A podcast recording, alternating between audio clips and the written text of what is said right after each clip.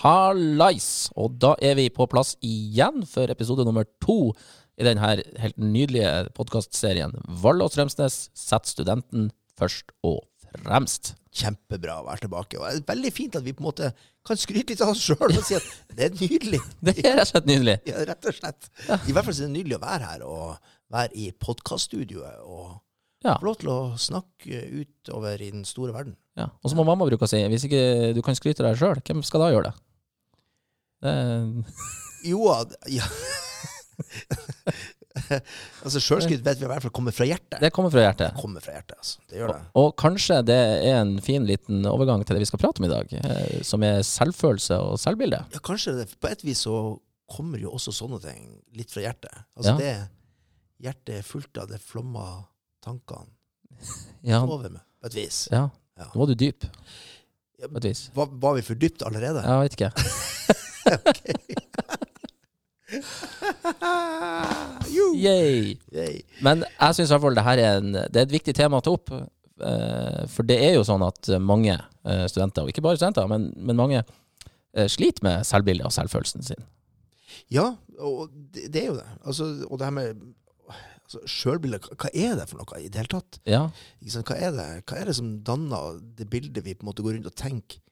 For vi går ikke rundt og tenker nødvendigvis på oss sjøl, men vi går ofte og tenker på hva andre tenker om oss sjøl. Ja. Uh, og hva er da eh, fakt det faktiske sjølbildet? Er det et slags produkt av det vi tror at andre tenker om oss? Ja.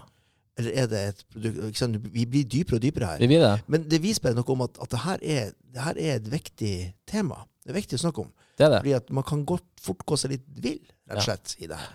Og til å prate om det her temaet, så har vi jo fått eh, to eh, flotte studenter som jeg syns er rett og slett kjempetøffe. Ja. Som kommer hit og skal dele sine eh, erfaringer med oss. Det skal de. Eh, og, og det er ja, Det er utrolig bra at de gjør det. Ja. Vi har en Andreas eh, Vestland Johnsen, som er fauskeværing med alt det innebærer. Eh, og, Vi skal ikke holde imot han. skal ikke holde imot han, skal ikke gjøre det. Nei, Nei, Han er en flott fyr. Veldig flott fyr. Uh, og han, han kommer for å dele sin historie om å være stor og være, føle seg, være kanskje tjukk. Og hvordan han har slitt med selvbildet sitt uh, der, og hvordan han har følt seg litt sånn utafor og ikke hatt noen venner. uh, og hvor det har tatt han videre i dag som student. Mm, og det syns jeg var tøft gjort av han å komme og prate om. det er det absolutt. Og så har vi med jo Andrea Norvik, som er studentleder her på huset. Eh, Og som er veldig åpenhjertig om sin eh, kamp mot angst. Eh, Og likevel så, var ikke, så har hun på en måte copa med det såpass bra at hun er blitt studentleder og kan synge på åpning av Nord universitets studieåpning. Og det er jo tøft. Det er tøft. Det er ikke alle som står og stiller seg opp og synger for flere tusen tilhørere. Nei. Det- Og når du da vet at hun har angst, eller i hvert fall har slitt med angst i tillegg, ja. Så jeg, jeg syns det, det, her kan bli, jeg tror det her kan bli kjempebra. ja, jeg tror det. Jeg tror, og jeg tror det ikke bare blir kjempebra, jeg tror det blir lærerikt. Ja. Det blir lærerikt, så at vi kanskje kommer litt eh, nærmere på det her store spørsmålet om hva er nå egentlig sjølbildet, hvordan forholder vi oss til oss sjøl. Ja. ja.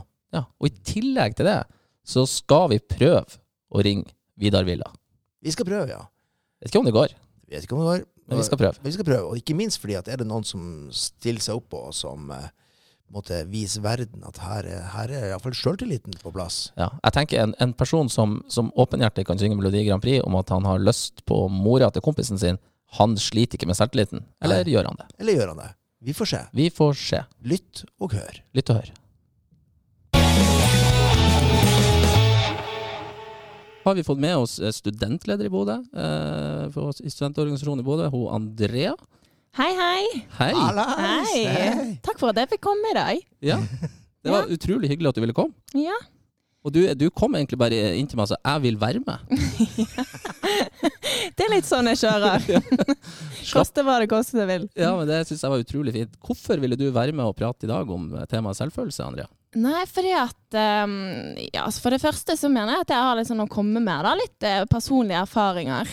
Ja, Um, og jeg er da som Sikkert veldig mange her på universitetet har skjønt en sånn veldig Veldig utadvendt jente. mm. Men det, det betyr ikke, selv om det at man nødvendigvis har god selvfølelse eller selvtillit, Nei. så, så jeg hadde veldig lyst til å være med og liksom komme med mine, Mine tanker i dag. Det er jeg utrolig glad for. Mm. Du er hjertelig velkommen. Vi er utrolig glad for å ha deg her. Og i tillegg til å ha deg her, så har vi med nestlederen i eh, Nei, hva er det for noe, Andreas? Nei, hva er det vi fant ut? Fag og Læringsmiljø. Yes, Ja, men det, stemmer er jo, det er jo enda bedre. Mm. Andreas. Hei, Andreas. God dag, god dag. Og du er en liten fauskeramp i tillegg. Jeg er en fuskeramp, ja. Ja. Det stemmer, det. Han har likt å kalle seg fag- og kvalitetansvarlig, skjønner du.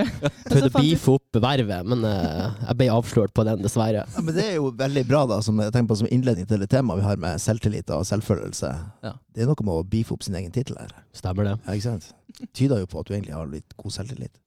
Det kan uh, vi være enige om at jeg tror jeg. Den står ganske godt, heldigvis. Ja, ja, ja.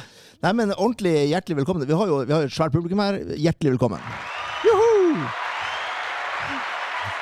Det er jo helt utrolig. Hysj nå. Jeg, jeg skulle, hørte jeg feida de. Ja. ja. Nei, men eh, vi, jeg tenker vi, vi går sånn sakte, sakte i gang. Og jeg tenkte jeg skulle starte med, uh, for siden er vi er på et universitet, um, eh, og lage en slags ramme. Jeg var på Store norske leksikon, um, og så fant jeg en slags beskrivelse av selvfølelse, for å la det som et uh, lite bakteppe. Og da kan jeg lese det første som står her. Og det er Eh, Selvfølelse er en opplevelse av ens egen vesen som artskilt fra andre vesener av samme art, det starta litt rart, eller en følelsesmessig opplevelse av ens egen identitet i et bestemt øyeblikk. Begrepet selvfølelse henviser også til en avbalansert kontakt med egne sterke og svake sider på en slik måte at personen føler seg trygg i samspill med andre mennesker. Det, ja, det var helt skole. Det var hel skole. Det var kjempeskole. Har du lyst til å gjøre det om til mer har du noen, altså hva, hvis, du, hvis du skulle omformulert det på et eller annet vis, eh, Svein? Det, altså, det, var ikke, det var jo ikke noe feil. Nei? Eh, Men det var bare litt sånn vanskelig å catche akkurat hva, de, hva, er det som, hva det betyr. Jeg tenker, altså, jeg opplever, hvis jeg skal tolke den her, så så selvfølelse, hvordan er det vi har oss med oss sjøl, for å gjøre det veldig enkelt? Er, hvordan ser vi på oss sjøl i samspill med andre mennesker, og eh, med det vi driver på med? Ja, og det tror jeg jo kanskje er den enkleste måten å beskrive selvfølelse på, nemlig så hva, hva, er det, hva er det som slår deg når du på en måte får et fokus på deg sjøl? Mm. Kanskje når du ser deg i speilet, når du på en måte eh, er til stede blant andre. Ikke sant? Hva, hvilken opplevelse har du av deg sjøl? Og det er klart at, at kanskje spesielt de med det vi kaller for dårlig selvfølelse, eh, kan på en måte forsvinne litt inn i seg sjøl. At fokuset og oppmerksomheten blir på de egne følelsene man, vi har. Sånn at det er, går jo rett og slett på de følelsene, det som skapes, på en måte, som vi kjenner på innsida når vi på en måte blir oppmerksom på oss sjøl. Mm. Plutselig så får vi den følelsen når vi står blant mange andre folk, så, så merker vi at oi, hva, det er kanskje noen som ser på oss. Ikke sant? Og mange av oss tenker ikke på oi, hvorfor er det de ser på oss, men de tenker hva er feil med meg, siden vedkommende ser på meg, for eksempel. Og jeg tenkte ikke å hoppe, hoppe litt til altså Du Andreas, du var jo nettopp og sto litt sånn fram i avisa, eller nettopp studentavisa, og snakka om dine, din egen lille kamp mot uh, kiloene. At du har, gått, du har gått veldig mye ned i vekt. Ja, stemmer det. Uh, jeg tenker at du har kanskje hatt en del Kan ikke du fortelle litt om, om, om den prosessen som du har vært i med deg sjøl? Jo, for jeg har vel kanskje på godt norsk vært på begge sidene av det med, med sjølbildet. At man har vært på den, eh, det punktet der at man egentlig spør seg sjøl om eh, At man er rett og slett kjempemisfornøyd med seg sjøl, til det punktet at man er kjempefornøyd med seg sjøl, og har opplevd eh, begge delene. For jeg har jo da på det meste veid 140 kilo, eh, rundt 2012-2013 da. Eh, og i dag så veier jeg rundt 70, så jeg har jo egentlig halvert egen kroppsvekt, og får lov å oppleve hvordan det er med å å både være på de to sidene. Og det, mye av det kommer også med sølvbildet. Mm. Når man eh, ikke er tilfreds med seg sjøl, så er det veldig fort at man får et dårlig sjølbilde. Hvorfor var det at du følte at du ikke var altså, et, var, det, var, det, var det kiloen så, som, som gjorde at du tenkte at du ikke er fornøyd med deg sjøl? Var det en Eller var det andre Altså, kan ikke du Nei, jeg tror altså, det er en sånn eh, rulleballeffekt at eh, når du har for mange, mye kilo og er i dårlig form, så Mm. vil det igjen påvirke s- psyken. Og det her er jo veldig nært knytta til det med psykisk helse. At, eh, eh, jeg var jo veldig deprimert på det verste når jeg var på det tyngste også, og det her eh, gjorde jo da at man, eh, man hadde ikke bra med seg sjøl. Man ser de negative sidene med seg sjøl, og de blir veldig fremheva, mens de positive sidene blir nesten hysja ned. At det blir litt sånn janteloven til det ekstreme. At man kun ser seg sjøl for de dårlige sidene sine. Og Men var det sånn at, at, at, du, at du, du var veldig sånn tydelig på hos deg sjøl at, det var dette her, altså denne problemet med overvekten, som var Det var liksom det som var greia, eller? Ja, men for det påvirker jo alt annet. Når man er overvektig, så har man mindre energi, man, blir mindre sprudlende, man har mindre og så, så føler man også det at man har et handikap på et vis. Mm. Eh, og det var det jeg følte da, eh, når det var på det verste. Um, så, så det er jo veldig nært knytta, det her. Eh, når man kanskje sjøl ser seg eh, i speilet og ikke er fornøyd med det man ser. Eh, men der igjen så er det det at det ikke nødvendigvis Man kan jo ha litt for mye skille, men likevel ha et bra sjølbilde. Men det Mm. klarte ikke jeg, for at for meg så var det så nært knytta, de to. Eh, de to. Ja, ikke sant? Altså, du opplevde, også opplevde du rett og slett at det var hemmende. Det var det på et vis. ja. For jeg var jo også student da også. eh, På, eh, mitt første år her var jeg fremdeles eh, godt opp i kiloene. Og det gikk jo utover det overskuddet man hadde til å være student. Og det gikk jo utover rett og slett det man klarte å yte på universitetet. Mm. For man hadde ikke det overskuddet som skulle til for å være heltidsstudent. Ja, ikke sant? Nei. Det er spennende. Så vi får høre mer om den reisa der. ikke sant? Uh, Ja. Andrea, du har jo også uh, eh, Du har jo også snakka litt om sjølbildet. Ja, og ehm, det er litt sånn rart. det, at eh, det jeg altså, egentlig sliter litt med å forstå, er liksom forskjellen på selvbilde og selvfølelse og selvtillit. Ja. Jeg har egentlig ikke helt klart å liksom sette fingeren på det. Men jeg har eh, egentlig alltid hatt det veldig sånn bra sosialt. Eh, alltid vært veldig utadvendt og sprudlende. Men jeg har hatt et veldig problem med at jeg ikke har følt at liksom, jeg har vært, eh, liksom, vært noe. Sant? Og jeg, når, jeg var, når jeg på videregående, og sånn, så snakket jeg alltid veldig fort. Og det henger jo fortsatt litt igjen i dag. Men jeg snakket Nest, veldig nesten fort. umulig å høre. ja, snakket veldig fort, og veldig mange hadde inntrykk av at jeg stresset veldig mye. Og jeg husker det var snakk om at jeg skulle hete stressless på russeluen min. Mm. Og det visste jeg med meg selv at det var fordi at jeg følte at ingen hadde tid til å høre på meg. Sant? Mm. At jeg måtte snakke så fort, for det var ingen som hadde tid til å høre på meg. Og det, var liksom, det, det, det påvirket meg veldig mye. Men på en annen side så har jeg liksom aldri brydd meg liksom om kroppen min. Jeg har hatt liksom veldig sånn motto sånn her, de får ta meg som jeg er. Og det har hjulpet meg veldig på vei. sant? Altså, Ta meg som jeg er. og Husker en venninnegjengen min skrev en sang eh, om det etter meg til bursdagen. da. Mm. Om at liksom Det var veldig typisk. Og, og det har liksom vært liksom redningen min, da. Eh, å bare være så inne i det mottoet der. Ehm, men uh, jeg tror det er mer sånn at selvbildet mitt har vært litt dårlig, men selvtilliten har vært der, da. Ja, ikke sant? For det tror jeg jo absolutt er mulig. Altså, Ja. For det er jo forskjell altså, selv, Selvtillit eh, knytter vi jo gjerne til spesifikke ting. Mm. Sant? Du er god til et Mm. eller annet, gjerne. Ikke sant? Ja. Altså, man snakker om at man kan være god til noe. Uh, og det tror jeg jo vi altså, Kanskje vi som er her, har en del av det, vil jeg tro. Mm. Men selvbildet er jo ikke sant Når du kommer hjem om kvelden, Mm. og du setter deg ned alene, Mm. og du begynner å tenke over ikke sant? hvem er jeg? Som du sier, Andrea, er jeg, er jeg verdt noe? Ja. Det er jo et svært spørsmål. Det er et stort spørsmål. Jeg tror, ikke, altså jeg tror at det kan påvirke veldig mye annet. Da. Mm. Og sånn så er jeg jo veldig åpen med at liksom, jeg, har jo, jeg har jo diagnosen angst sant, og må leve med det hver dag. Og det bunner og grunner egentlig liksom veldig mange år med liksom det der med at om jeg betyr jeg for noen. Og jeg sant, fikk også beskjed om at jeg har liksom relasjonsproblemer. Sant, for jeg har veldig sånn, problemer med å, å, å holde på vennskap veldig lenge og, og liksom knytte meg til mennesker. da. Og det bunner og grunner i denne tanken som jeg gikk med veldig lenge, om jeg liksom egentlig var verdt noe. da.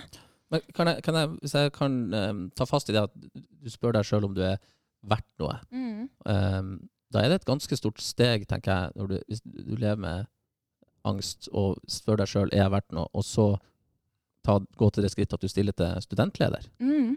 For, for da spør du vel egentlig hele, i hvert fall hele universitetet her er, er jeg verdt noe. Eh, Ja. Og det er det der som er så rart. Jeg, jeg får liksom ikke ting til å gå opp. Jeg skjønner ikke hvordan kan jeg liksom stå på en scene og synge foran eh, 2000 nye elever, og samtidig liksom eh, lure på det, da. Og gå hjem og liksom vite det at jeg har den, eller fikk den diagnosen for mange år siden, da. Men jeg har jo på et eller annet vis funnet en måte å leve med dette på. Mm. Og jeg har sant, jeg, jeg, jeg fikk jo mye hjelp. Og det gjorde jeg jo, og det reddet jo meg på den måten. Og jeg driver ofte med sånne øvelser. Eh, hvor jeg liksom lager sirkler og sånn med meg selv innerst. Og så har jeg sånne sant, på ytterpunkter med forskjellige ting som betyr, betyr noe for meg. Og på jobb har alltid siktet meg veldig inn på. Så jeg jobber jo meg i hjel. Sant? Og det har jeg også alltid gjort, og det har vært liksom min måte å holde liksom struktur i hverdagen på det.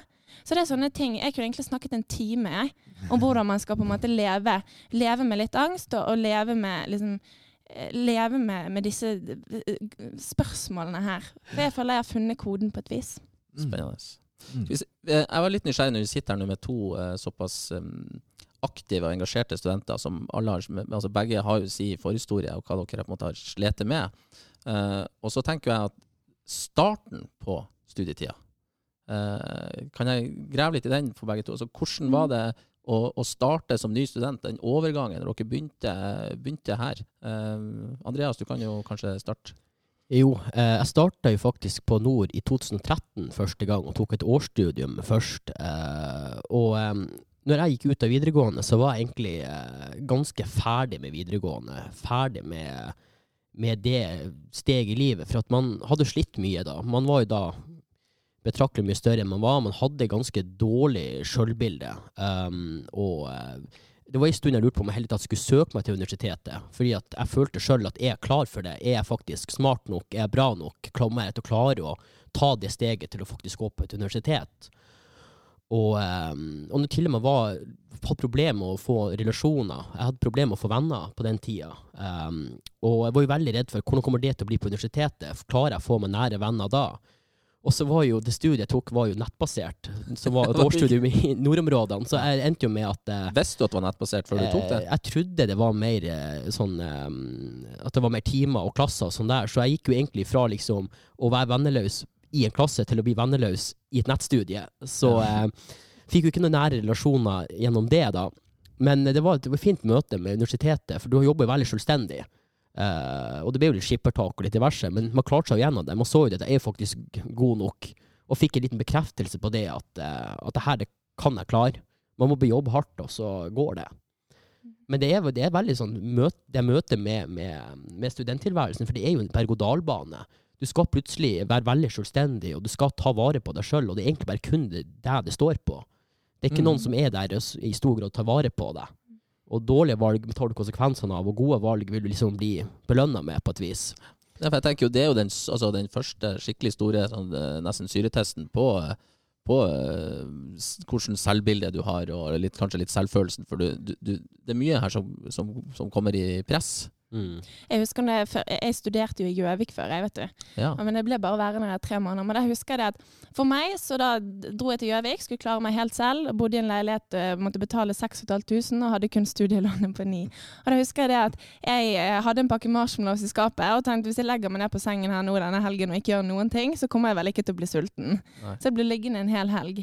Og det var liksom det der presset der det gjorde at jeg virkelig ikke trivdes. En så liten ting. Det er egentlig ikke liten ting, da. Men eh, sant? at det der så avgjørende hvordan du på en måte møter studiehverdagen din. Og det at ikke jeg fikk jobb, avgjorde mye for min del, da. Mm. ja. Hva du Du sitter bare her og nikker og, og tenker her nå, Svein. Ja. Men jeg kom jo opp her og var ikke med på fadderuken engang. Når du kom hit? Nei. Ja, Ja, jeg ville ikke. Jeg ville bare bli ferdig med studiet, være aleine, leide meg leilighet aleine. Og skulle bare bli ferdig med studiet og ikke eh, få noe særlig venner. Det var tankegangen min. Mm. Men da må man også huske at der kom jeg litt syk. Sant? Ja. Eh, og så var det tilfeldigheter med havets døgn, faktisk. Mm. Og at jeg møtte venninne Karen som dro meg med inn i liksom, engasjementsbiten her ved siden av studiet, som gjorde at jeg tror at det var avgjørende for meg her, da. Kjente du opp fra før av, eller ble du kjent med henne? Hun var fadderen i faddergruppen min, så Ja. jeg var med, sånn, kom helt på slutten av første dagen i fadderuken. Og hun fulgte meg litt opp, da. Jeg tror hun skjønte liksom at ok, det er kanskje litt futt i henne, selv om liksom hun ikke er så interessert i å være med på så mye. Um, Så det var slett et møte med henne ble et sånn turning point. det ble kjempeturning point, og jeg er jo evig takknemlig for hun for det nå. Altså, nå sitter jeg som studentleder og tenker på hvordan det var her de første ukene. Eh, er helt merkelig, altså. Men kunne historien den vært annerledes? Altså, hun hadde, la oss si hun ikke vært der på litt, sånn, litt rett tid, mm. rett, rett sted til rett tid. Mm. Kunne det blitt annerledes? Ja. Em, nå er det liksom vel, egentlig veldig lang historie, men veldig kort fortalt så kom, tok jeg en sjanse og tenkte OK eh, nå har jeg, For det var et, et år jeg slet veldig mye med angst. Og når jeg fant ut at OK, nå søker jeg meg til Bodø, så tar jeg sjansen.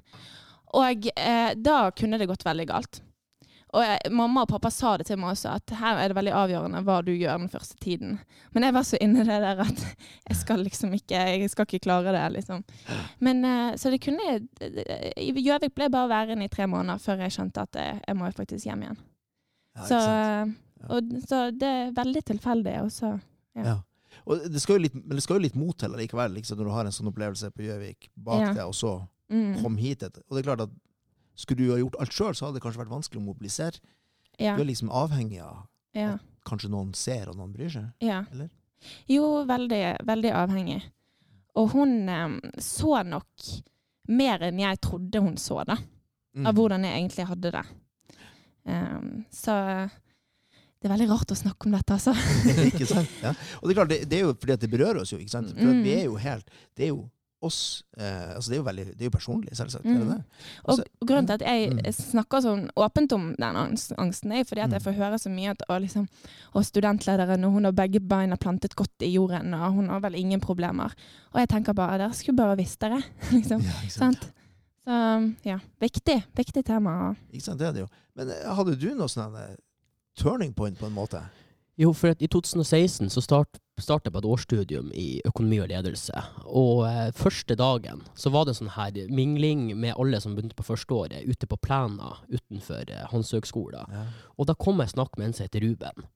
Og, og jeg var så fast bestemt at faen heller, jeg må få meg venner. Det, liksom, det var liksom Pri én var liksom prøve å skaffe seg noen til å henge rundt. Og jeg lot ikke han der Ruben gå. Eller, altså, jeg fulgte etter han, for at faen heller, han skulle bli venn. Hva var det man, hva var det man Ruben som gjorde at du han, Nei, han var bare den første jeg kom i kontakt med. Og det liksom, vi snakka om biler, og jeg var ikke så veldig interessert, men faen, han snakka med meg. Så det var liksom plutselig ble du bilfantast. Ja. sant? For jeg hadde liksom ikke den eh, faddergruppa som tok meg med. For vi var samla, alle som kom fra eh, Salten-regionen, var samla inn i samme eh, faddergruppe. Og de hadde jo allerede sine bekjentskaper, så de var ikke så veldig interessert i å bli med meg.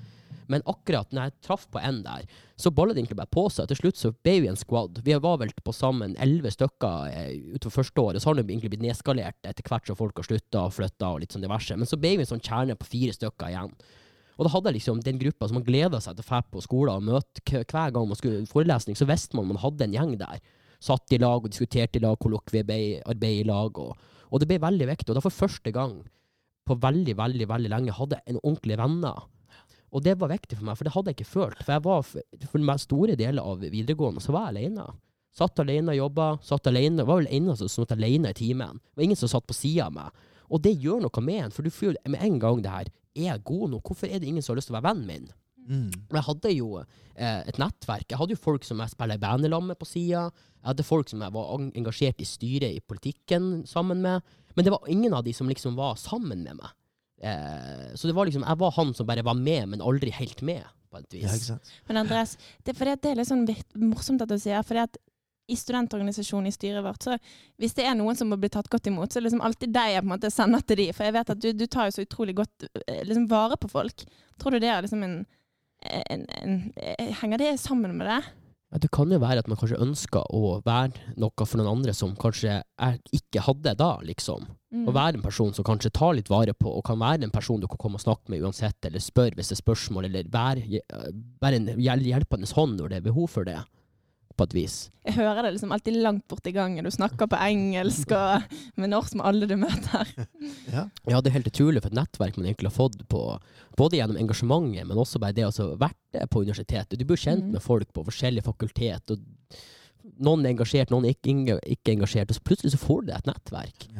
Men, men du er jo ikke noe annet nå, sannsynligvis. Altså sånn basically enn den som satt litt alene i en videregående skole på Fauske. Mm. Så, så hva, hvor ligger det at det her han er? Er, er det noe med du, du sier at du møtte han, han Ruben der, men, men, men altså, var det noe med at du fikk liksom litt trua tilbake gjennom at det Mm. ble, som du sier, en liten gjeng der? Jo, for at da skjønte jeg endelig at kanskje det er noen som har lyst eh, å være sammen med meg, fordi jeg er meg. For det var det, det, og det kommer tilbake til med sjølbildet. Det var en stund jeg tenkte at hva er egentlig som er feil med meg, hvorfor ser jeg alle andre har venner, og det er folk som kanskje er litt frekke eller slem, men allikevel har de venner, og så har ikke jeg det. Det ble kanskje litt form for sjalusi på et vis. Men jeg, jeg prøvde sjøl å finne ut hvorfor eh, har ikke jeg det, som egentlig er helt sånn, ganske normalt å ha. Men når jeg igjen kom, og da fikk den gjengen der i begynnelsen av første året eh, økonomi, så da falt blikk, blikkene litt på plass at jeg er faktisk god nok til å ha venner. Men det å ikke ha den følelsen, at man ikke er god nok til, til å ha et vennskap med noen, den, den stakk dypt. Ja, det høres helt forferdelig ut. Ja, det var helt eh, forferdelig. Det var forferdelig. For at Veldig, da- og et veldig ensomt sted, vil jeg tro. Ja. Ikke sant? Så den og depresjonen hang litt igjen. Og det er jo også sånn at hva kom først, høne eller egget? Var det depresjon som kom først, og så eh, fraværet venner kom i andre hånd, eller var det fraværet venner som gjorde at man ble deprimert? Men det var liksom De to gikk litt hand i hånd. Jeg leste faktisk en ganske interessant Da jeg var og googla litt her, så eh, før sending så leste jeg en sånn interessant eh, forskningsrapport som kom i eh, 2007. Og der eh, var det ei dansk forsker som hadde kommet fram til at eh, det her med lavt selvbilde, lav selvfølelse, det blir en slags sjøloppfyllende profeti. Fordi at man, eh, altså en slags ond sirkel. Fordi at eh, personer med lavt selvbilde, eller altså lav selvfølelse, de blir ubevisst eller bevisst behandla litt dårligere enn personer med høy selvtillit, eller altså høy eh, selvfølelse. Eh, altså helt, helt ubevisst. Og da får man igjen en slags bekreftelse på at OK, jeg, er faktisk ikke bedre enn det her. Og så blir det en slags blir det måten man oppfører seg på, eller måten man er på, blir en, blir en slags, igjen en slags bekreftelse på at man faktisk ikke er verdt noe. Um, og det syns jeg var en sånn litt sånn interessant, eh, interessant forskningsrapport, da. Uh, men det kan jo kanskje um, være litt av sannhet i det. Hva tenker du, Svein? Nei, jeg tenker at det der er altså det med, med å ikke sant? Fordi at Kanskje blir man litt sånn Man søker bekreftelse på et vis, og så, og så blir man fordi man er på en måte litt sånn aktiv på den måten, på et vis, så blir man kanskje litt sånn sett på litt rart av de andre. Um, det kan jo være, absolutt. Uh, sånn at jeg tror at det er litt sånn Det kan bli litt sånne onde sirkler man, Mm. kan, man kan plutselig befinne seg i og gå i. Um, det tror jeg det kan være. Og så er det jo at av og til så er på en måte verden litt sånn ubarmhjertig, da, ikke sant? På et vis. Um? Du hadde jo liksom den, også den med at du var Du følte deg stor og, Mm. og sånt. Og, og her er en bevissthet om at andre ser på deg litt på den samme måten som du ser på deg sjøl. Og, og, og så agerte du litt på det òg, eller? Mm, ja, det gjorde man selvfølgelig. Og det er derfor jeg tok et valg i, her i 2013-2014, at jeg skulle prøve å gjøre noe med det. Og det var jo lang prosess. Eh, og prøve å endre seg sjøl. Så først var det å prøve å endre utsida. uh, og det gikk nå så som så. Det ble jo en prosess der òg, men det var jo kanskje endringer på innsida så var det virkelige store steget mot et, å, ha det bedre med seg sjøl. For at man kan, man kan uh, gjøre så mye man bare vil med utsida, men innsida henger med fremdeles uansett. Det gjør den. Jeg lurer liksom på Andreas, for det, når, når ting var liksom for verst for meg, da, så gikk, gikk selvbildet og i hvert fall angsten min veldig sånn i ett. Det ble et helt kaos. altså Alt gikk opp i hverandre. Og jeg husker det at det førte til at jeg ble nesten litt sånn um, veldig sånn at verden sirkulerte rundt meg. Jeg ble veldig selvopptatt. Uh, for, og liksom, jeg husker jeg forklarte det til, til noen eh, som jeg gikk og snakket med. Det, at liksom, jeg skjønner ikke hvorfor. Det, det har aldri vært sånn at jeg liksom føler at alt liksom sirkulerer rundt meg. Og hun forklarte det at det er en veldig vanlig reaksjon. Hadde du det samme? Mm. Jeg hadde det. Du føler liksom at alt liksom blir Altså Inntrykkene blir så mye sterkere også. Ja. Hvis for eksempel du går forbi en person som du kjenner, men ikke hilser på deg, så er det plutselig 'Å, herregud, hva er det nå jeg har gjort?' Eller ja. eh, 'Hva er det? Hvorfor, hvorfor gjorde ikke det? Er det noe jeg Mhm. har sagt? Er det noe jeg har gjort?' Liksom, og du, du, alt blir liksom med, en sånn her baktanke bak. ja. Eller 'Hvorfor sa den personen det? Hvorfor gjorde den personen det? Hvorfor smilte ikke den personen?' Mm. Eller altså, 'Hvorfor gikk det her? Hvorfor klarte jeg ikke det her?' Alt mm. blir så mye sterkere. Og, og akkurat det du sier der, det der var, var helt forferdelig. For det var sånn at når eh, venninnene mine, hvis ikke de svarte raskt nok på meldingene, så tenkte jeg at jeg hadde gjort noe. Så måtte jeg ringe dem og spørre har jeg gjort noe. Og de var liksom herregud, hvorfor kan du slappe av? Og, og til slutt, så, sånn, når jeg endelig klarte å liksom akseptere at jeg var liksom syk, jeg var ikke helt meg selv, så, så fortalte jeg dette til dem og sa liksom at det er veldig sånn eh, automatisk at man blir eh, veldig paranoid og liksom veldig selvsentrert og snakker mye om seg selv og veldig sånn når man er sånn syk. Eh, og med en gang liksom man, man sa det høyt og fortalte det til de, det var liksom noe av det lureste jeg gjorde da. For da fikk de med en gang en aksept for det. Og jeg husker hun ene venninnen min, Karoline, hun sa det at liksom, det går helt fint. Eh, liksom, dette, dette er ikke deg, eh, og dette, dette aksepterer vi selvfølgelig 100% Så etter det så var det ingen som kommenterte det. Mm. For jeg tok meg selv i det. sant? Folk gikk forbi meg og liksom Å, herregud, jeg gikk, lå i sengen og tenkte på det. Å, de gikk forbi meg, hva har jeg gjort? Og nå går verden under. sant? Og angsten bare, ballet på seg.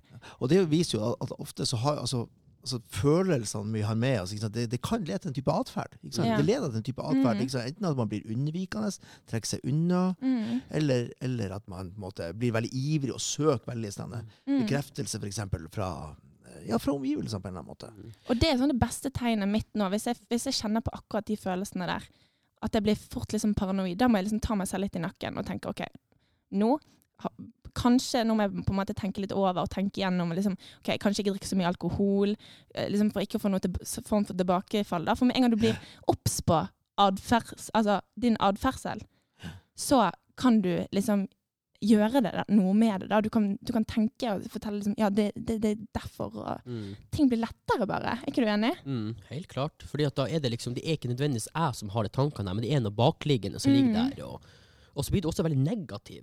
I, altså alt i fremtidsaspekt og alt. Altså når man har det Mm. bra, så tenker man at ja, det ordner seg, det her blir bra. Mm. Men du må først få komme litt på den negative veien. yeah. Så tenker man at alt kommer til å gå til helvete. Yeah. Det er liksom det er den som setter hele til alt. Ja, men det, det blir sånn. er, Ja, at man, man, man sitter der og tenker at, at alt kommer egentlig bare til Det er Mm. worst case nesten i alt. Mm. Hvis, det er, hvis man skaper et arrangement, det, kom, det kommer ikke til å bli koselig. Mm. Skal man til møte, ja, det kommer til, det kommer til å bli dårlig stemning. Skal man liksom for jeg gjør noe artig til en film, ja, filmen kommer til å bli dårlig. Liksom, Mm. det er sånn, Man har negativ innstilling til alt, nesten, og så får det heller bare bli en positiv overraskelse hvis det faktisk går bra. Mm. Ja, Som ta er- alltid verste, verste, tar verste meninger, verste tanker. Ja, det blir verst i alt, egentlig. Hvis vi skal Jeg har litt, litt eh, lyst til å løfte her litt opp. Um, hvis vi skal Du snakka litt om det, Andrea, det med bekreftelse, og så snakka du om ting går fort. Mm. Um, og jeg tenker da umiddelbart på den, den verden vi lever i nå, med sosiale medier, Uh, med hvor vi søker bekreftelse. Vi søker Ting skal gå veldig fort. Uh, vi har perfekte bilder uh, som vi sender ut, både på Instagram og Facebook og, og, og Snapchat. Altså, idealene rundt oss endrer seg veldig. Jeg vet ikke, eh, Har dere gjort noe, har dere gjort noen tanker rundt, rundt det? Er det, er, det, er det litt sånn vanskelig å være ung? Det er veldig vanskelig å være ung, føler jeg i hvert fall. Fordi at det man liksom ser på sosiale medier, er jo smørbrødlister av hva folk opplever, og, eh, og den sminka sannheten. For at man får jo veldig fort inntrykk at folk har det veldig bra, alle andre har det veldig bra. Jeg ser at de er og reiser, og de opplever ting, og de klarer ting som jeg ikke klarer, og liksom alt det der. Men det er jo den, den si, Det er jo gått gjennom et filter, at det den personen ønsker alle andre skal se. Men man ser jo ikke det, det, liksom, det negative. Folk sliter. Folk har dårlig sjølbilde. Folk sliter med angst og depresjon. Og, og liksom der, det er liksom Andrea, at det er jo helt, når jeg hørte at hun hadde slitt, da tenkte jeg no way, det går ikke an.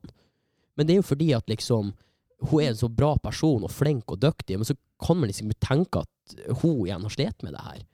Men det blir liksom at det er ikke noe man går rundt og proklamerer ut til alle sammen, at selv om man liksom er suksessfull, så betyr det ikke nødvendigvis at alt går perfekt på alle fronter. Mm. Man har oppturer, nedturer, det går bra, det går ikke fullt så bra også. Jeg husker etter eh, Det var jo en sånn eh, Det var en sånn livepodkast ute i gråsona hvor jeg var gjest. Og da var det snakk om psykisk helse. Og det var første gangen jeg liksom offentlig sa det der at jeg har en diagnose. Jeg vet faktisk ikke om jeg har den fortsatt, jeg vet ikke hvor mange år det varer. Men jeg har, jeg har det bra nå, da, men at jeg har slitt med det, og, at jeg fortsatt eh, kjenner på det av og til. Så, så etter jeg sa det, så fikk jeg masse meldinger fra studenter. Mm. Og etter det så ble det sånn heiende. Liksom, dette er så viktig at man faktisk snakker om ting. Og eh, jeg er liksom fortsatt ikke helt ferdig med å måte fortelle, fortelle studentene om dette, kjenner jeg. Fordi at eh, det som du sier, at jeg blir nesten litt sånn eh, stresset av at folk skal tro at det er sånn som alle tror det er.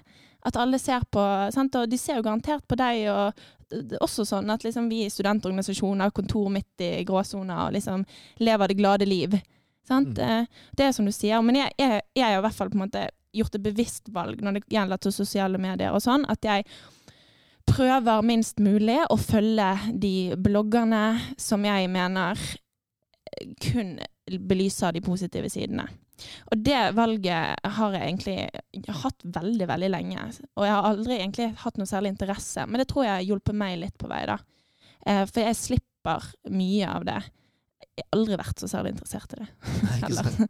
Nei, og det er jo bevissthet om at livet er mer balansert. ikke sant? Mm. Så det, er som, det, det er jo for, for alle, uansett, altså vi behøver ikke ha noe spesielt, men for absolutt alle 100% så går det opp og ned. Mm. Og jeg syns det er synd at det er sånn til dagen, og jeg er liksom litt bekymret for mine barn. Jeg tenker liksom, hvordan vil mine, barn få det? Sant? Eh, i, i, hvordan det er om dagen. Sant? At alle bloggere, og at det er det som liksom ho nesten hovedmarkedsføringen, det, plattformen nå her i, i landet og internasjonalt. At det, det er jo litt skummelt. Ja, Mm. ikke sant? Ja, og jeg tenker med, I hvert fall jeg begynte å tenke sjøl, hvis, hvis noen hadde lagt ut på Facebook, det skjer jo ved ja, ujevne mellomrom, så plutselig så ser man noen i Facebook-trådene som har lagt ut sånn Føler seg jævlig. Har det helt fælt. Har det ikke bra. Så det, det første man tenker, hva er det her for noe? Hvorfor, hvor- hvorfor, hvorfor har vedkommende lagt det her? Mm. Det er nesten, man blir litt, nesten som man blir litt satt, satt ut over at man, man, man For det, det, det, det passer ikke inn i det formatet, og det, plutselig så, det blir jo ikke bare kos og hygge. Men, eh, men kanskje, kanskje det er nettopp det som er problemet. At det, plattformer nå er, er laga for å, å, å lage og vise skjønnmalte bilder. Altså Instagram eh, leste jeg nå en eh, rapport. i, var de som fikk ungdom i dag til å føle seg aller verst. Det, rett og slett det, de baserer seg kun på bilder og video, og der er det filter, og der er det altså, Det er skjønnmalte bilder hele tida. Um, Jeg mener jo den eh, retusjeringsloven bør innskra, altså innstrammes noe Mm. Kraftig. Mm. For det er eh, noe som jeg tror eh, skaper unødvendig eh, mye negative tanker. Hva kalte du det for noe? Retusjeringsloven? Retusjerings... Er ikke det en retusjeringslov? Jo, det er ble det. innført i lov at alt av reklame som er retusjert, må merkes at det er retusjert reklame. Mm. Ah. Mens eh, sosiale medier og, og influencers og den biten er jo ikke, ikke Nei, ikke sant? Er ikke en del av inkludert det. i den. Men altså, offentlig reklame må vel mark eh, markeres per i dag. Husker han Mats Hansen drev og sånn repostet bilder fra, fra bloggere som hadde retusjert eh, kroppene sine og innstrammet de og lagt de ut, og så hadde jo han eh, bustet de på det, da. Og så la han det ut, og det ble fullt ramaskrik, sant? for det er jo uthenging av eh, Uthenging av eh, og bloggere. sant? Men så Mm. var det jo litt sånn igjen Ja ja, men de er offentlige personer. sant? De har valgt det. Det står i Instagrammen deres at de er offentlige personer. Sant? Og da, Det må jo ligge en stramme regelverk for det. For det, det har direkte sammen, sammenheng, mener jeg, med selvbilde og selvfølelse og selvtillit til, til unge mennesker. Det er jo ned til eh, tiårsalderen som leser disse Mm. Ikke sant? Men eh, altså, vi, vi, har vi snakker jo mye om at, sant, at i dag så er jo så er altså dette det er et slags litt, kanskje litt moderne problem. Vi har jo sett det på SHoT-undersøkelsen, at, at tallene der, altså studentenes helse- og trivselsundersøkelse, at tallene ikke sånn, de går ikke rett vei helt ikke sant, i forhold til jeg kan si psykisk helse generelt. Ikke sant, men det, men ikke sant, det, og, og veldig mye av det som vi snakker om som psykisk helse, bunner jo egentlig i et dårlig sjølbilde. Altså veldig mye av det. Så, så hva, hva er dette eneste forklaringa, det at, at det finnes så mye sånn påvirkning av ja, altså influens over en lav sko, som er eh, litt sånn perfekt? Det kalles jo generasjon perfekt, men er det det, eller er det andre ting? Jeg har gjort meg noen tanker rundt det der. og Når man kommer til alt det med sosiale medier og blogger, og alt, så tror jeg fort man kan få en sånn type sånn normativ, eller en sånn type eh, Hva skal vi si eh, Fasit på hva det vil si, hva du må ha for å være lykkelig. Eh, og det er liksom De bloggerne og instagrammerne og alle de her har sett litt som en fasit. Det er det her du skal ha. Og er, er, du har du ikke det her, så er du liksom ikke Da har du ikke det som skal til for å være lykkelig. Og da tenker jeg både materialistisk, at liksom du skal ha de og de tingene eh, i form av iPhone og Mac, og du skal ha liksom det og det og det. Men så skal du også, også liksom ha eh, de, de, de og de kroppene, du skal ha det og det utseendet, du skal ha de og de klærne. Og så og det er fort at du, du kanskje sitter litt sånn utenfor, hvis du ikke har det. Mm. Eh, jeg, det er bare en teori jeg har, men kan det være noe der? At liksom du ser på disse lykkelige menneskene, og det her er, det er de som virkelig er lykkelige. Men så vet vi jo av tradisjon at det er ikke nødvendigvis det. Mange av de bloggerne og de på Instagram de har sliter også selv, med sjølbildet. De som liksom er det lykkeligste av det lykkelige i gåseøyne, som man ser på, på sosiale medier. Men det er ikke nødvendigvis at de er lykkelige selv om de har alt det her. Eller det fantastiske livet som kanskje man kan få inntrykk av at de har via sosiale medier. Ja, og jeg er enig. Og jeg tror også det er mange andre ting det henger sammen med. Og det, jeg syns det er veldig vanskelig tema også å gå inn på og de skulle diskutere grunnlaget, for det er veldig lett man sier noe som er feil. Men jeg tror jo også sant, at det er litt vanskelig å være ungdom nå til dags når det gjelder flere ting. Altså Økonomisk sett så Nå vet ikke jeg hvordan det var på 70-tallet. Men, men jeg husker jo selv hvordan det var å skulle klare seg på ingenting. Altså, sant? Og, og for noen så går det ekstra hardt inn på det, og for noen så går det greit. Og så har du jo sant, mørketiden der oppe. Em, og for de førsteårsstudentene Det var helt forferdelig første året mitt i mørketiden. Altså, jeg hadde bare lyst til å legge meg ned og bli værende utover mørketiden. Men jeg tror det er veldig mange ting som spiller inn, og ikke bare sosialt. da. Nei, Sosiale medier. Det, det, det stemmer. Det stemmer. Jeg kan jo bare, hvis jeg leser litt videre på den på um, Store norske leksikon, så står det at svak selvfølelse disponerer for utvikling av psykiske lidelser under stress og belastninger, ofte angst og depressive lidelser. Mm. Um, så, og SHoT-undersøkelsen eh, viser at 26% av studentene i Bodø eh, rapporterte om eh, alvorlige symptomer for psykiske plager. Mm. Eh, 27% på landsbasis. Um, så det er jo noen, noen tall, og da kan man jo kanskje anta at uh, tallet på de som, studenter som føler på psykiske lidelser, altså som føler på dårlig, lav selvfølelse, antagelig er kanskje litt større uh, igjen enn en det tallet. Ja, og så er det ikke sånn at selvfølelse er en statisk greie. Nei. ikke sant? Mm. For det handler jo om, om ikke sant, dårlig dag. Jeg har jo også dårlig lav selvfølelse, og også lav selvtillit innimellom. også, Mm. Avhengig av dagen. Ikke sant? Det kan vi vel skrive under på, kanskje, alle sammen. At, at det finnes dager hvor ting fungerer bra og svinger fint. Eh, mens det er andre dager hvor det ikke gjør det. ikke sant? Det er et kjempegodt poeng. Ei natt med dårlig søvn og eh, ikke sant? Alle som har vært gjennom småbarnsforeldreperiode, vet alt om det der. Altså, de føler seg helt elendig. Det er jo det der å skulle kjenne etter, sant? at når det har vedvart Jeg tror det er et, eh, ikke, sant? Kanskje tre måneder, da bør du skaffe deg hjelp. Mm. Sant? At hvis det er vedvarende problem. Ikke sant? Og det, er jo et, det der er et kjempepoeng ikke sant? for å si at det er et problem som er sånn mer sånn, en sånn art at du bør skaffe hjelp, så er det, er det rett og slett å sjekke tida på det litt. Mm. Ikke sant? Ja. Og av og til så tror jeg også bare en samtale med en god venn eller en person Mm. stoler på er Har man hatt en dårlig dag, eh, eller kanskje en dårlig uke, så av og til bare det å prate med noen om det kan gjøre ting Mm. lettere. For at av og til så kan man få, bare en, få litt tilbakemeldinger, eller at man bare får letta litt på trykket. For jeg tror noe av det verste det er å stenge nede negative følelser over for lang tid. Som du sier, går det ned å stenge ned følelser over tre måneder, Mm. og det igjen kan igjen føre til en sånn negativ eh, Men sånn, jeg tror jeg gikk for lenge. Ja. Sant? Altså, jeg tror det gikk så langt at det, det var liksom vanskelig å skulle snu. da. Så jeg tror jo også det at hvis jeg hadde skaffet meg noen, eh, noen å prate med, noen som kunne det der tidligere, så hadde jeg kommet meg raskere ut av det. Mm. Sant? Det, det gikk jo ett og et halvt år. Så Det der er så, um, så viktig og så godt poeng, for jeg, jeg sitter med en følelse at det, det er så utrolig fort gjort, og det kjenner jo litt igjen i måten dere har forklart det på, at man tenker at det her er jeg alene om. Mm. Det her, er, det her påvirker bare meg, og det er kun jeg som føler det sånn, og det er kun jeg som sliter med det her. Og, altså, man, går, man går med en gang inn og tenker at det, det er meg det er noe feil med. Og jeg, jeg tror at eh, det er, jo, det er jo et kjempevanskelig steg, men det å tørre å klare, hvis man bare klarer det å prate med noen andre, om det så er en venn eller noen andre, og få det ut, så vil man jo fort kanskje få en bekreftelse på at man er ikke alene om det. Det er ikke unikt det man sitter og tenker på. Og det er det som er veldig godt i dag. og Nå har vi både studentpresten man kan få prate med, studentverten man kan få prate med, men så har vi også peer-supporterne, som er mm. et kjempeinitiativ på campus, som, eh, som er up and running, som er mulig å kontakte. Og det er jo et lavterskeltilbud, men et utrolig viktig lavterskeltilbud. Mm. Så man håper, jo, altså man håper jo at flere benytter seg av det, for man vet jo at tallene sier jo at det er flere som kanskje kunne hatt behov for en samt, sam, samtale. I fortrolighet, og får kanskje letta litt på trykket, får snakka om, om livet som student. Mm. For at det er, det er hardt, altså. Du, du går all in, og så skal du, du skal Mm. kjempe imot både økonomien, du skal kjempe imot eh, karakterpresset, du skal kjempe imot eh, forelesere, og liksom det er, som nevnt tidligere, en berg-og-dal-bane.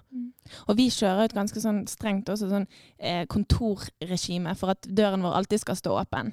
Og det er også litt av den sant, at noen skal bare kunne komme inn på kontoret og sette og ta seg en prat, og kan vi hjelpe med noe på skolen som vil gjøre hverdagen din bedre, så kan man også komme der. Sant? Så, så alt sånt hjelper. Hvis man bare snakker med noen, begynner et sted, så, så ja. Ja. Ja, ikke sant? Mm. Gode. Skal vi um, prøve å ringe noen? Prøve å ringe noen. Ja, for det er jo altså Det er jo Når vi et nå- kjent fenomen. Ring noen. Hvis du står du står du vet for noe, ring noen. Ja, vi, vi har jo ei lita spalte vi har uh, kjørt i gang med nå, som er vi, vi prøver å ringe noen når vi sitter her. Uh, det er ikke sikkert det går bra, men eh, vi kan prøve. Vi kan prøve, ikke sant? Fordi at uh, vi kan jo se, få litt andre, andre, andre måte, innspill og synspunkter. Og da, hva med å ringe noen som vi antar kanskje er på topp? Antageligvis. Vi prøver. Eh, Vi er ikke sikkert vi får svar, men vi, vi, slett, vi prøver rett og slett å ringe, ringe selveste Vidar Villa. Og han, han skulle man tro var på topp. Han skal, ja, det, Jeg vet ikke hvilket bilde vi har, men kanskje, men kanskje tror vi det. Jeg vet Altså, ikke. han, Hva dere han, tror?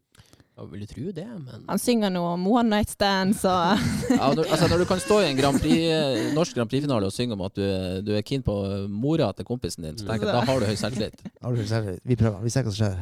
Det er ikke sikkert vi får svar, men vi, får, vi prøver.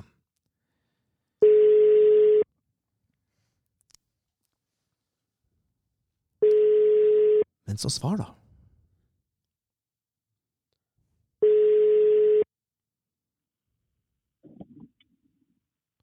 Hallo? Hei, Hei, er det selveste Vidar Villa vi snakker med? Selveste Vidar Villa. Ja, så bra. Dette er podkasten Valle og Strømsnes setter studenten først og fremst. Som ringer. at dere ringer. Ja. Eh, er, du ute og, er du ute og drar, eller? Ja, nå sitter jeg i taxien på vei til, til flyplassen her. Du gjør det, ja. Nå har jeg noen minutter, ja, jeg noen minutter ledig, vet du. Ja, så fint. Eh, skal du et sted Ja. som er spennende? Eh, nå jeg, sitter jeg faktisk ved siden av han der selveste Staysman her, som klarte å overtale meg til å bli med på fest i Kristiansand i dag. Nettopp. Og det er jo Si hei til Staysman fra oss, selvsagt. Eh, Dette passer bra, for vi har et tema Vi har et tema her i dag som går på se- Veldig bra. Vi, vi har et tema her i dag som, som går, på, går på det med selvtillit og selvfølelse. Og så tenkte vi om at en av, kanskje, kanskje en av de som piker høyest oppe på selv, eh, selvfølelse- og selvtillitsskalaen, er, kanskje er deg. Eh, tror, du at, tror du at vi har rett i det? Mm, nei, jeg vet ikke. Eller sånn eh, Jeg vil ikke si at jeg har uh, så veldig lav selvtillit akkurat, men uh, man uh, kan jo bli litt sånn usikker eh, selv, jeg også. Ja. Sånn er det. Ja, ikke sant? Eh, For jeg tenker på, Du har jo, du har jo på en måte stått med, med, med, med vært med i Grand Prix og snakket om at du vil eh, Vil kysse mora til en kompis eller noe sånt. Da tenker jeg i hvert fall at da, da har du høy selvtillit. Ja, men det er eh, akkurat den der greia der, så er det mm, Det er liksom treningssak, egentlig bare. Sånn at du bare Du går hakket lenger hver gang, på en måte. Um, til slutt gir du liksom på en måte litt bare faen. Ja. Har du noe du forteller deg sjøl, altså for å pumpe deg sjøl opp, eller for å bygge opp litt selvtillit, eller selvfølgelig, altså høy selvtillit hos deg sjøl? Mm, hvis det er liksom ting jeg er liksom nervøs for, og sånne ting, så prøver jeg bare å si at det, er, det, her, det her betyr ingenting. Det her er bare en liten greie. Eller liksom. Selv før uh, Melodi Grand Prix så husker jeg at jeg liksom sto bak scenen der og bare sånn Herregud, det er ingen som ser på det her. Selv om du vet at det egentlig er en million stykker som skal se på det her. Men liksom, du prøver bare å fortelle at dette her betyr ingenting. Dette her er jo glemt uansett. Så det er jo sitter uh, og bagate- bagatelliserer det, på en måte. Ja. Men jeg tror Sånn liksom Sånn er det, da. Det er litt trist. Hei, Vidar. Hei, Andrea. Du, jeg bare det, Jeg kom til å tenke på at det er jo veldig mange som, som tror at det er liksom en selvfølge at um, at kjendiser har en kjempehøy selvtillit og så et godt selvbilde og selvfølelse. Tror du det liksom henger sammen? Eh, nei, eller? Jeg vet ikke. Den, eh, det er jo bare vanlige folk, det. Ja. Eh, man kan jo bli usikker eh, på samme måte som alle andre. Mm. jeg tror eh, den derre selvtilliten som man liksom utgir seg på en måte å ha eller sånn, Det er jo bare det at du er sikker på det du, det du selv skal gjøre liksom, skal på scenen med. Så har du gjort akkurat det tusen ganger. Eh, så det kan du jo. Der er du jo sterk. Men eh, men man kan jo bli usikre på andre områder, kanskje. Jeg vet ikke. ja. Vet du hva, Vidar, jeg setter utrolig pris på at du ville ta deg tid i taxikøen, eh, i, i taxien, i lag med oss. Uh, Ja, det er bare hyggelig. ja, tusen hjertelig takk, og så får du ha god tur. Jo, Takk. Så koser dere videre Ja. Ja, Det skal vi gjøre. Ha det bra. Ha det. Ha det bra. Så der, ja. Der fikk vi jo eh, noen innspill. Altså det er, selv om man er artist og er på toppen og synger om å kysse eh, mora til kameraten og one night stands, så er det ikke sånn at det bestandig er strutta av selvtillit. Og, Nei. Nei, men da kan man kanskje oppsummere det med at det er litt sånn allmenneskelig, det med å ha eh, Både være på topp og kanskje ikke alltid heller ha. Og man kan ikke være på topp hele tida, på et vis. Nei. At man har sine Alle har sine ups and downs. Selv de man skulle tro er, har stålkontroll på eh, sjølbildet til enhver tid. Og så tror jeg altså liksom sånn som jeg snakket om helt i begynnelsen av at det, det der at jeg kan stå og synge på en scene det er jo, sant, altså, foran alle studentene med åpningen, det er med selvtillit å gjøre. sant? Mm. Men det er jo ikke det samme som selvfølelse nødvendigvis. Og der må man kanskje skille det litt. At hvis man, hvis man er obs på det, så kanskje man skjønner at uh, høy selvtillit det betyr ikke alltid at du har godt selvbilde og har det bra med deg selv.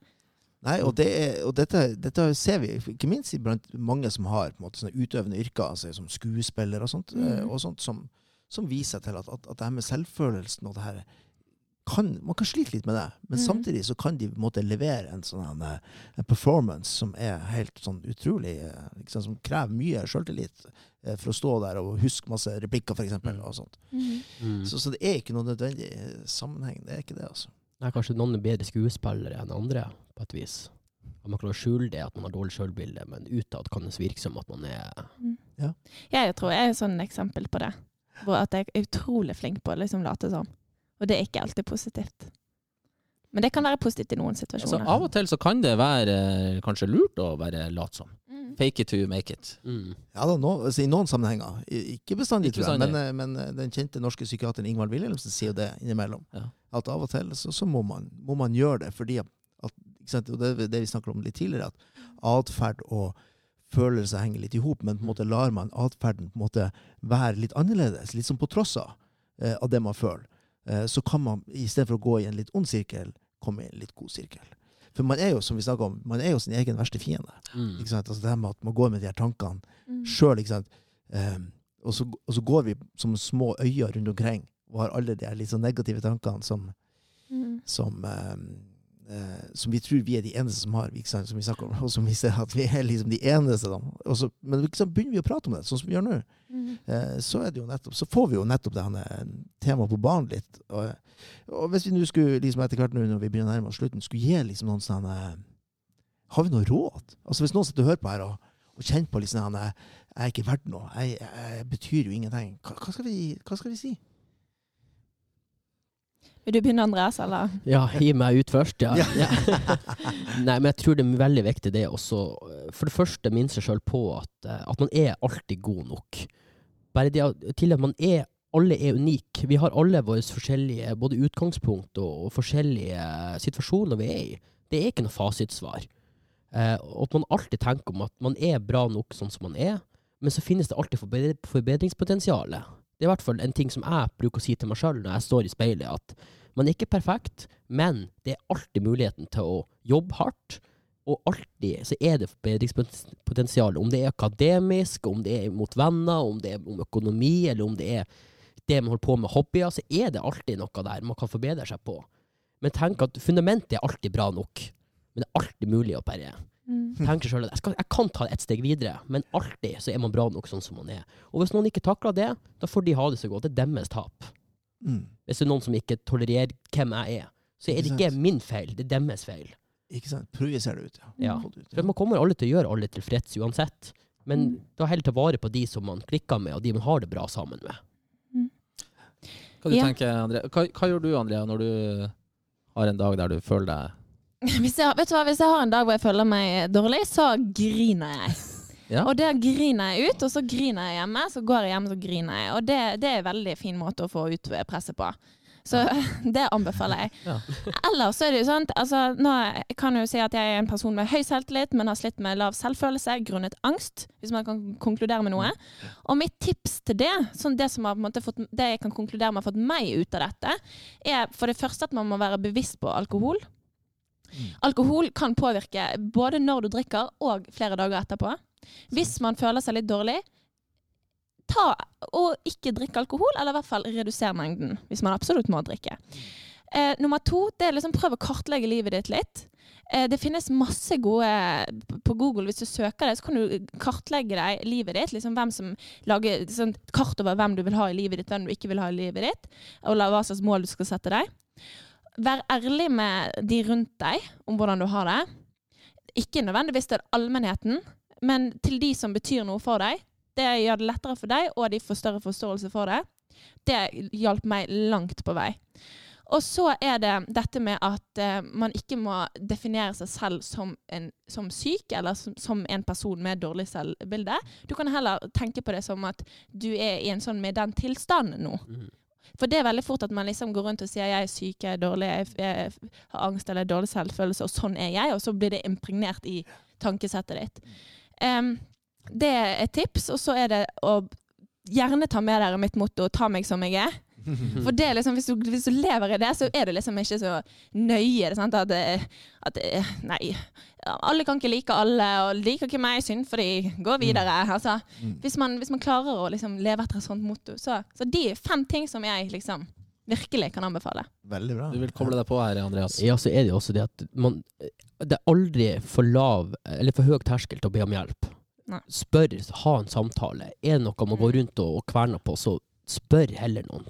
En god venn eller en person man stoler på, eller ta kontakt med noen eh, fagfolk, og så får man en ordentlig snakk om det. For at holder man ting inni seg for lenge, så vil det til slutt kanskje bli et mye større problem enn det trenger å være. i Det er no shame. Mm. No shame. Så den dørstokkmila må egentlig bare fjernes. Det burde være veldig lav toleranse for å bare spørre om den ene samtalen som kanskje kan få et lite problem ut av verden, eller at man får letta litt på trykket. Ikke sant? Og, og bare det å skjønne at man er ikke den eneste Nei. som går sånn. Men det her er ganske, egentlig, ganske normale ting som vi egentlig Mm. har, har kommet inn i litt sånn unormalt eh, mønster. Mm. Uh, Og hvis jeg skal også driste meg til å gi eh, ett råd på veien, så er det det at når man ser seg sjøl i speilet, uh, så må, får man ikke lov til å si ting til seg sjøl som man ikke kan si til en venn eller ei venninne.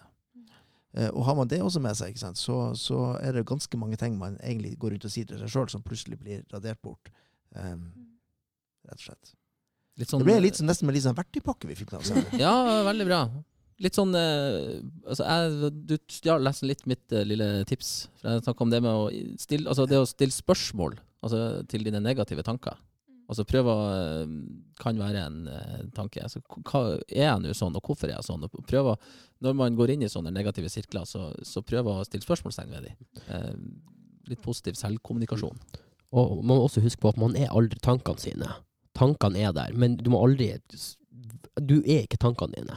Og ikke la dem på, påvirke. Så negative tanker er ikke du, på et vis. Jeg merker liksom at vi har snakket for lite om dette, Andreas.